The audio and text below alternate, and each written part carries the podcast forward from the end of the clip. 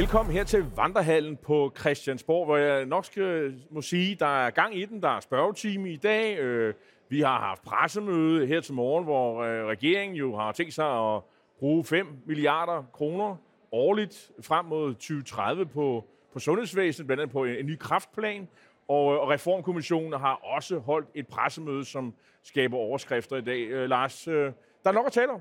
Ja, men det her, det her sundhedsudspil kommer jo tiltrængt. Vi har en trepartiregering, som har været presset i målingerne, som har været ude i stormvær med alle mulige møgsager. Og nu endelig er vi kommet frem til det punkt, hvor regeringen begynder at komme i offensiv med noget, der helt indlysende er populært. Hvis der er noget, der i den danske vælgerhav med en stadig ældre befolkning er populært, så er det at opgradere sundhedsvæsenet, og særligt kan man sige på kraftområdet. Og det er jo også et område, hvor ikke mindst Lars Løkke, det var jo ret opsigtsvækkende, at man for første gang i Danmarks havde en udenrigsminister med til lancering af en sundhedspakke. Men det er jo også noget, der næsten har Lars Lykkes signatur på sig.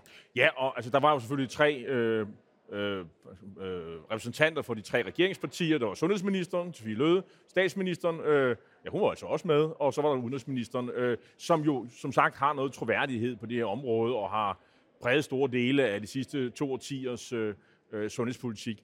Øh, men øh, det, der er jo sådan, øh, er bagtæppet her også, det er jo, at regeringen har været lidt defensiv. Der har været den der kraftskandale op i Midtjyllands, Region Midtjylland, hvor, hvor, hvor, hvor folk jo ikke er kommet øh, øh, til undersøgelse og behandling i, i tide.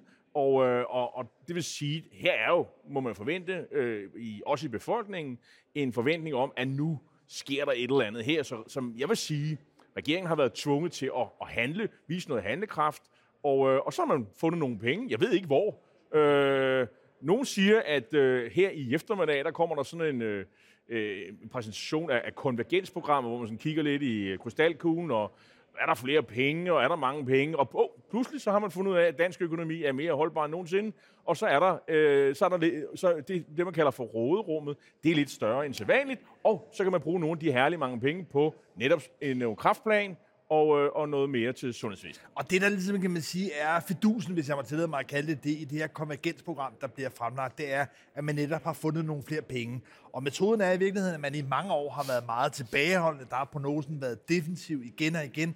Og nu den her gang, hvor man har brug for pengene, man har brug for offensiven, ja, så har, altså, øh, er det lykkedes at regne sig frem til, at råderummet er stigende, jo også fordi det ser ganske godt ud for dansk økonomi, ikke mindst fordi der er høj beskæftigelse. Så man er altså i en situation, hvor man sådan set finder pengene, nye pengene, og kanalisere dem ind på et populært område. Det er jo på en eller anden måde en vinderopskrift. Det er to øh, gode nyheder øh, øh for regeringen, og for alle dem, der går op i sundhed, og det gør de aller, aller fleste, i, i hvert fald når man kigger på meningsmålingerne, så, så siger øh, uanset om man stemmer rødt eller blåt, så går man meget op i, at, at sundhedsvæsenet er godt og velfungerende, og det er ikke alle, der er overbevist om, at det er tilfældet øh, lige i øjeblikket. Men Lars, det jeg synes er interessant her, øh, udover det kan selvfølgelig bringe regeringen i offensiv, de har stadigvæk elendige meningsmålinger, øh, både, ja faktisk de alle tre regeringspartier ligger, ligger under i forhold til det, langt under i forhold til det, de, de lå i forbindelse med, med, med folketingsvalget i november, det er jo, at øh, øh, at, at, at, at det, hvor kom, jeg, hvor kom jeg til? Jo, men altså, det, det jeg synes, hvis vi vender øh, det lidt mere kritiske blik mm, det på det, det her udspil, tak. Ikke? så kan man sige, at øh, så er der jo en række kritikpunkter, du kan nævne måske der i forhold til arbejdsudbuddet. Ja, det er jo ligesom det, er jo ligesom det øh, vi har, og det var faktisk det, jeg prøvede på at sige. Hvor er alle de mennesker, som skal udføre de her øh, opgaver. Det er, jo, det er jo det, der er problemet. Altså, det er fint nok, at man har en masse penge, men altså, de mennesker, som skal være radiologer og kirurger, og øh, det er jo dem, der, der indgår i kraftbehandling, jamen dem er der jo ikke nogen af. Nogle af dem er over i det private øh, og laver andre og løser andre opgaver. Hvordan får man dem tilbage? Altså, det eneste svar, jeg kan komme op på, det er vel at tilbyde dem et højere løn. Men det hørte vi jo ikke noget om i dag. Men jeg vil også pege på et andet område, eller en anden dynamik i virkeligheden i vores folkestyre, som kan gøre det her svært at veksle for regeringspartierne til stemmer. Og det er noget, som en gammel svensk statsminister, Tage Erlander, formulerede som de stigende forventningers utilfredshed. Og hans pointe var helt klassisk, at i velfærdssamfundet har vi altså en forventning om, at tingene bliver bedre. Ligesom vi er vant til, at en bil, eller en mobiltelefon, eller et køleskab udvikles og bliver bedre, ja, så er der altså en forventning om, at de velfærdsydelser, der bliver leveret, at de faktisk også stiger. Så i vælgernes opfattelse, deres fremtidsudsigter, der har man i virkeligheden allerede indiskonteret, at der sker et løft også af kraftbehandlingen. Så problemet for regeringen her er, ja, det er et fremskridt, det er nye penge, det er tiltrængt, men det er altså ikke nødvendigvis noget, hvor vi vil sige, jubeltog gennem gaderne, hvor folk vil stå med små flag i provinsbyerne og juble, når ministerne kommer på besøg. Fordi det er allerede noget, der er indregnet. Og det, der ligesom var i Tage Lander, altså den svenske statsministers pointe, det er, at fordi det kan være svært overhovedet at følge med de stigende forventninger, så er selv når det går fremad, selv når det i det her tilfælde forbedres, ja, så kan folk godt sidde skuffet tilbage, fordi så kan der være andre syge, øh, patientgrupper, som måske ikke falder under kraft, som bliver skuffet over, hvorfor det nu ikke deres sygdomme, og i det hele taget har vi set de her øh, vanskeligheder med at flytte ud i livet.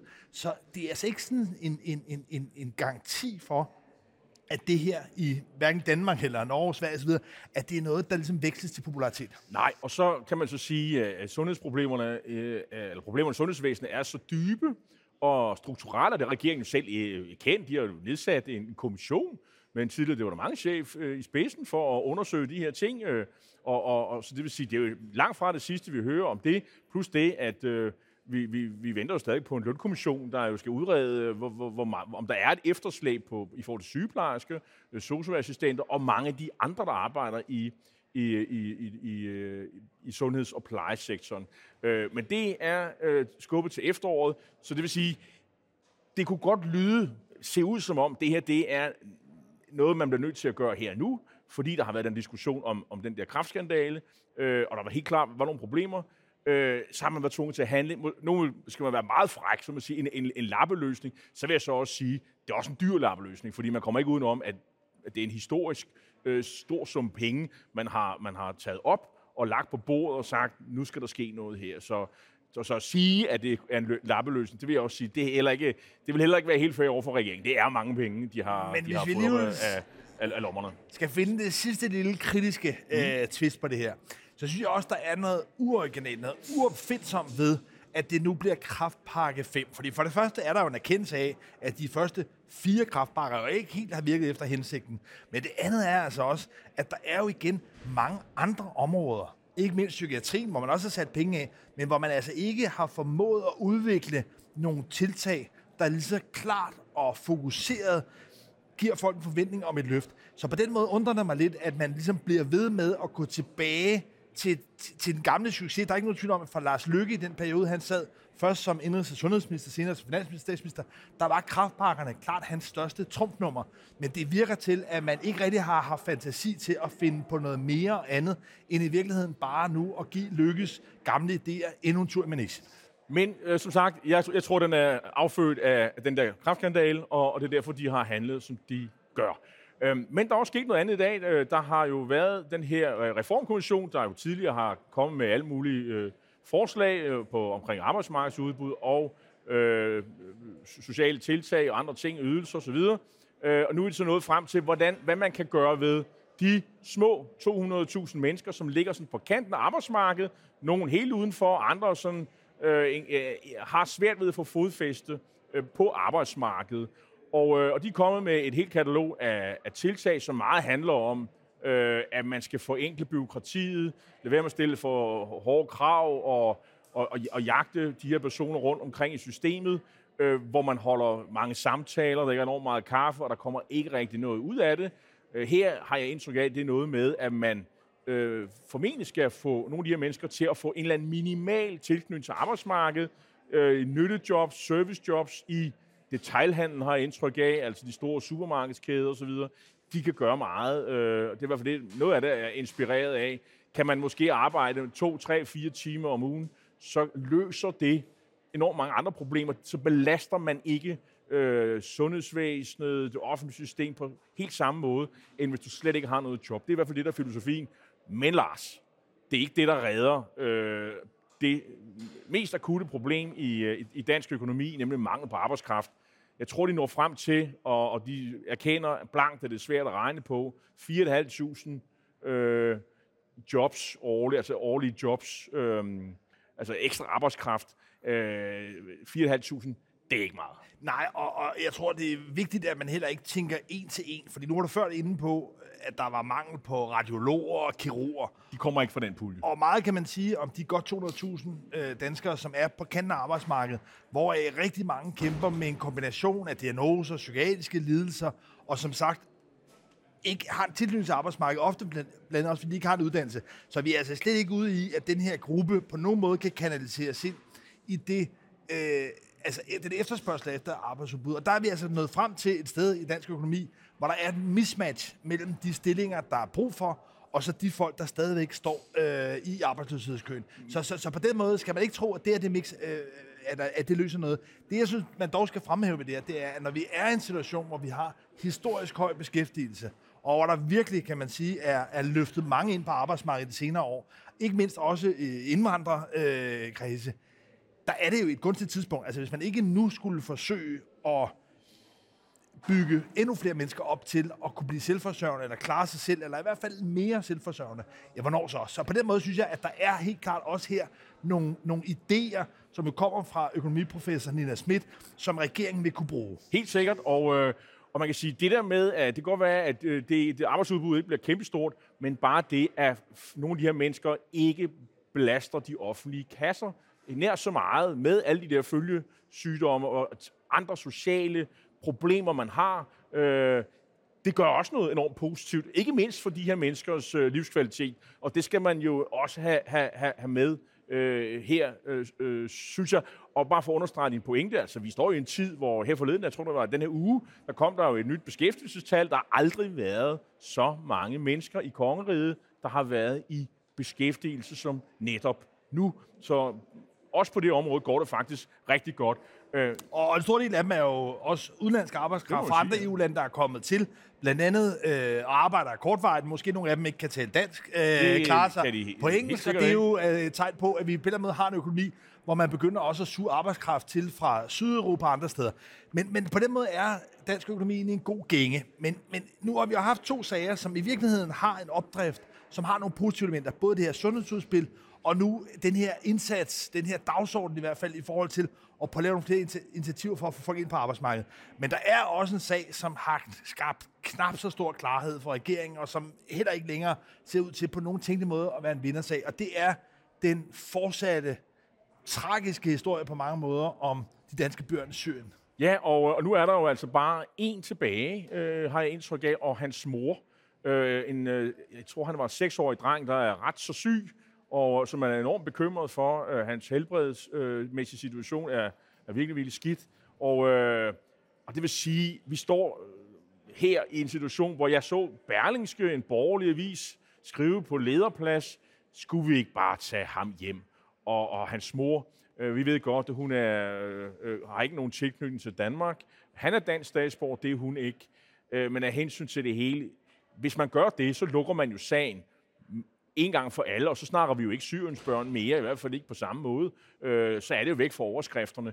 Men det virker som om, at man har lavet kompromis i regeringen, hvor, hvor, hvor Lykke øh, og Moderaterne har fået lov til at sige, altså alle dem, der har dansk statsborgerskab, dem tager vi så hjem, øh, og så også deres børn, og så er der den her, øh, den her mor, og så hendes øh, dreng, der er død syg, og som er dansker. Øh, det er så der, hvor Socialdemokraterne, for det er det, som dem, jeg har indtryk af, også sammen med Venstrefolk, men mest øh, Kåre Dybvad, ministeren på området, øh, hænger sin hat på. Se, hvor hårde vi er øh, i, øh, i, den her, i vores udlændingepolitik, og i hvert fald over for de her syrienskrigere, øh, som de her kvinder også blev benævnt, fordi de har giftet sig med syrienskrigere og har tilsluttet sig IS, og er hele det der frygtelige system. Så, så det er jo sådan, for mig virker det meget symbolsk nu. Altså, ja, fordi... Men hvor lang tid tror du, der går, før at de hos Socialdemokraterne kapitulerer og siger, nu tager vi ham hjem? Ja, men jeg tror, du skal se det som et spil, hvor Socialdemokratiet gerne vil trækkes til det. De vil gerne have eksempelvis en leder af Berlinske. De vil gerne have andre borgerlige politikere til at sige, nok er nok. Vi kan ikke have en syg dansk dreng siddende i en fangelejr i Syrien, uden at reagere. Det er simpelthen ikke vores samfund værdigt. Og, og den, kan man sige, sådan klassiske humanitære konservatisme, eller hvad du vil kalde det, medmenneskelighed, som øh, altså, den vil man for Socialdemokratiet gerne i virkeligheden fremkalde fra borgerlig hold.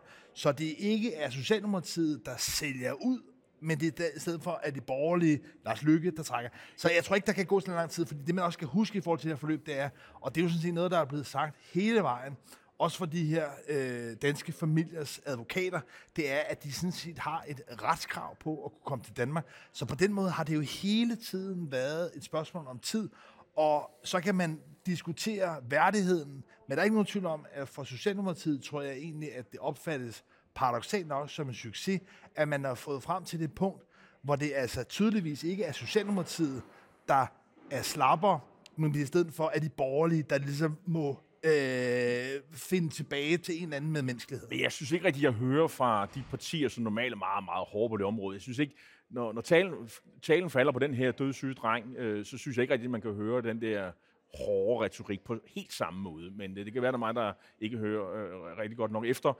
Øh, her i weekenden, der var der jo et parti, der havde landsmøde, øh, nemlig Alternativet, og de øh, lovede gratis drikkevand til alle på restaurant øh, ligesom vi jo kender fra USA, hvor man skal drikke det her forfærdelige klorvand øh, overalt. Øh, jeg drikker det aldrig. Øh, og nu skal man åbenbart have det, og det vil, så giver man jo også restauranterne nogle flere udgifter, øh, nogle, ja, de får nogle flere udgifter ved det, og så skal vand i øvrigt have nogle højere afgifter, og så er der en masse andre ting. Sådan noget man kan jo mene om, hvad, det, hvad, hvad man vil. Øh, men men øh, jeg synes, at det er udmærket. Det er længe siden, jeg har hørt noget fra de alternativer. Det her det er da meget konkret, og nogen kan man grine af det osv., men det er enormt konkret øh, forslag, som jeg tror rammer meget godt ind i dem, som de nu vil øh, have i tale.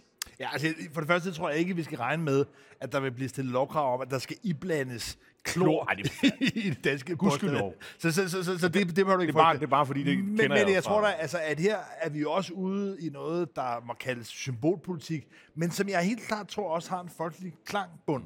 Altså jeg tror, mange mennesker har oplevet, om ikke andet om sommeren, at sidde et andet sted øh, med ungerne måske, og, og, og være lidt forundret over, at man skal betale altså 20 kroner for bare at få noget øh, lunken postevand. Så på den måde er Alternativet måske inde her faktisk at fiske i noget, der kan være populært, men det er jo grundlæggende også både en sundhedsdagsorden og en øh, miljødagsorden i hele taget, at sætte fokus på vores øh, drikkevand. Men altså, det er da et udtryk for mig, det har lidt desperationens skær, synes jeg, det er da et udtryk for, at Alternativet, på trods af, at de lige præcis klarede at komme i Folketinget, er blevet parkeret ude på et tidsspor nu, hvor det er meget svært at se nogle sådan konkrete politiske forløb, hvor de i virkeligheden kommer til at spille en nøglerolle. Og jeg synes også, de personligheder, der er i Alternativet i de stunder, øh, sympatiske, men jeg synes ikke, der er nogen af dem, der brænder igennem. Altså, vi har en Therese Gevenius, som laver mest ballade og skælder ud og er sur, og, og, og, og så har vi Franciske Rosenkilde, som jo faktisk øh, virker som en, der kunne gå, gå ind i øh, SF, eller Enhedslisten, eller De Radikale, og være en politiker, der kunne arbejde på samme vilkår som dem. Det strider lidt i, i, i forskellige retninger, og alle de andre, dem kender jeg faktisk overhovedet ikke. Men jeg, omvendt kan du sige, at der var en meget lang periode, hvor Alternativet med rette også blev øh, splittet ad og kritiseret for at være lige lovligt gøjlet. Og nu er det så blevet lidt mere øh, klassisk, traditionelt, parlamentarisk arbejdende. Det er måske en meget sund øh, modningsproces. Men øh, nu, vi skal også øh, kigge lidt fremad, og øh, jeg har indtryk af, at på fredag, der kommer det her øh, udspil fra øh, regeringen omkring øh, øh, det her, øh, om vi skal, der skal jo være et... Øh, et forsvarsforlig, øh, 140 milliarder kroner, tror jeg, tallet de, de har nævnt. Det er jo også en slags det, penge og det, er over mange, og det er over mange år, og det er sådan en ramme, og det vil sige, at øh, så skal man sådan finde ud af hen ad vejen og til efteråret, hvad man så skal købe for alle de her penge. Øhm, og, men altså, og det vil sige, det bliver jo så Jakob Ellemann, der kommer jo til at, at lede de forhandlinger til sin tid men øh, 140 milliarder, det er mange penge. Noget, jeg bemærkede, som jeg synes var en interessant lille første nyhed. Altså, nu ser vi udspillet, og, og som Troels Poulsen, den fungerende forsvarsminister, lægger op, så er det, at man ligesom vil tage det lidt mere i etapper. Man vil ikke øremærke alle pengene på forhånd. Men noget af det, han lagde op til, da han ligesom introducerede det her i forgårs, det var en adgangsbillet, en politisk adgangsbillet til forhandlingerne. Og tidligere, ja, der hørte vi jo, at det skulle have været øh, afskaffelse af Stor Bededag. Det var noget, Jacob Ellemann lige nåede at være ude meget skråsikker at sige, at hvis man ikke var med til Stor Bededag, så kom man ikke med i forsvaret. Det endte så med at blive droppet. Men nu har man fundet på en ny adgangsbillet, og det er, at man som en del af forligskredsen omkring forsvarsforlidet, skal støtte et europæisk forsvarssamarbejde. Vi havde jo folkeafstemningen, hvor det blev et klart ja, så det er jo noget, den danske befolkning støtter. Og der er ikke nogen tvivl om, også i den nye forsvarspolitik, den nye udenrigs- og sikkerhedspolitik, der bliver lagt, der er der et større europæisk fokus.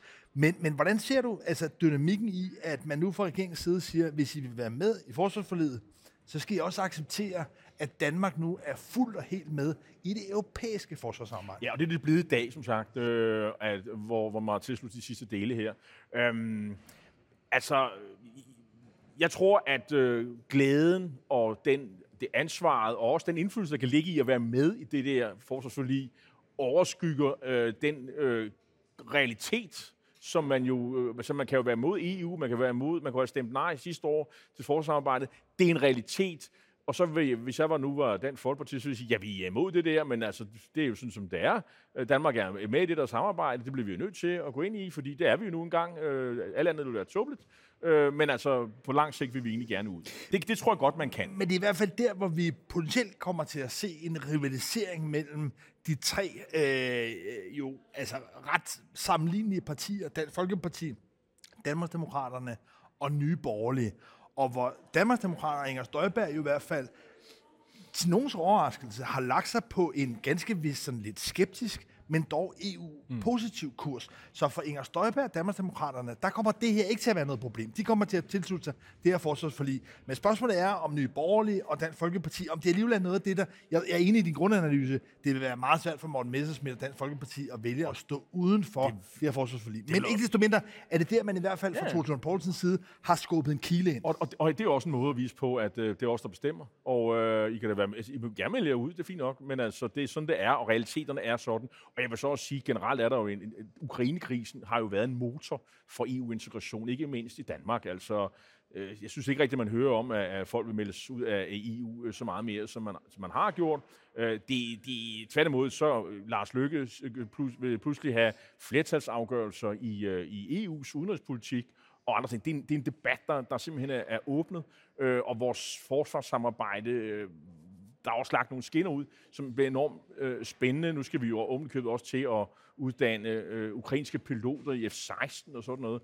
Også noget, jeg ved ikke om det foregår i NATO-regi, eller det i EU-regi, men så gør det i hvert fald i, i NATO. Så der sker i hvert fald, det er, det er, men det er et samarbejde med andre europæiske og, lande i hvert fald. Og det er i hvert fald nogle investeringer i krudt og kugler, som får selv kraftplanerne til at blegne, fordi det er oppe i en størrelsesorden, en historisk løft. Jeg tror faktisk, man skal tilbage til perioden efter Napoleonskrigene, hvor hele den danske flåde var, var skudt i seng. Man skal tilbage til de år der i, i begyndelsen af 1800-tallet, før man ser nogle forsvarsbudgetter, som kommer til at stige så hurtigt og bruge så mange penge. Måske i 50'erne, hvor der var også, blev også brugt mange penge. Jo, jo, men, de kom fra USA meget. Men, men, det var men, men, men min pointe er i virkeligheden mere, at det, der godt kan undre mig, det er, at der ikke er en større debat om... Men det kan der komme jo. Det kan der komme. Ja. Og i, i sin tid var det jo radikale, der indtog den her position med, hvad skal det nytte? Jeg hører ikke det spørgsmål øh, blive stillet, men det er klart, at når det først kommer på bordet, når der først er 140 milliarder kroner, der skal kæmpes om, så skal der nok, kan man sige, opstå nogle politiske konflikter. Men det er alt sammen noget, vi vil kunne øh, følge op på. Men jeg vil lige sige en ting, jeg har bemærket, det er, at Inger Støjbergs parti, øh, Danmarksdemokraterne, de, de vil sådan har jeg i hvert fald fået det præsenteret, at, at de øh, vil øh, har en idé om, og de vil gå indgå i den, øh, den konservative europæiske gruppe, EPP, det er der, hvor de konservative er i dag. Og hvis de nu får mandatet til næste år, så skal de jo være der. Det er jo en pro-europæisk gruppe. Øh, vil, man, øh, vil, vil man fortsætte med at være EU-skeptisk på samme måde som nu?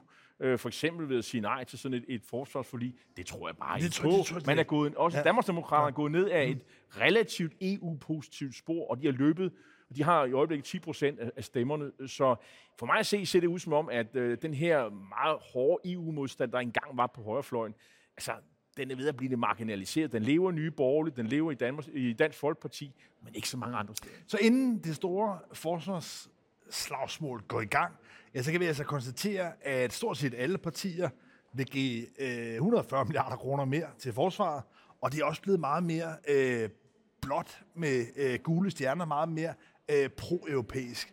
Men det vil vi følge op på i næste uge, når vi er tilbage, for så har vi så det friske forsvarsforlig. Tusind tak, fordi du så med.